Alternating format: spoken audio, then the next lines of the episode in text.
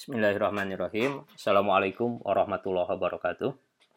Bapak Ibu, untuk sesi diskusi berikutnya, kita akan memasuki kepada penyiapan perangkat pembelajaran yang pertama ya. Jangan lupa di dalamnya ada RPP, ada bahan ajar, ada LKPD, ada media dan ada alat evaluasinya ya. Nah, setelah kita menyamakan persepsi hari ini tentang apa yang harus dikerjakan dan bagaimana pentingnya kelima perangkat pembelajaran tersebut, tentu saja tidak serta-merta mudah dalam mengimplementasikannya.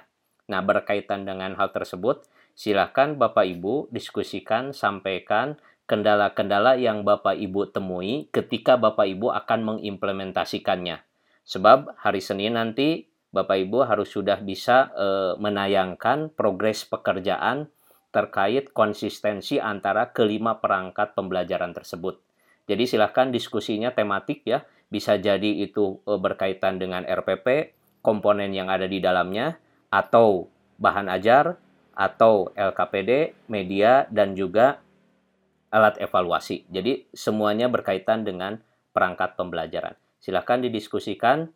Eh, disampaikan dan silahkan juga berkontribusi membantu teman-teman yang dapat kesulitan dan insya Allah seperti biasa di sesi pembelajaran sinkronus akan kita uh, klarifikasi terkait eh, hal-hal uh, yang perlu ditindaklanjuti.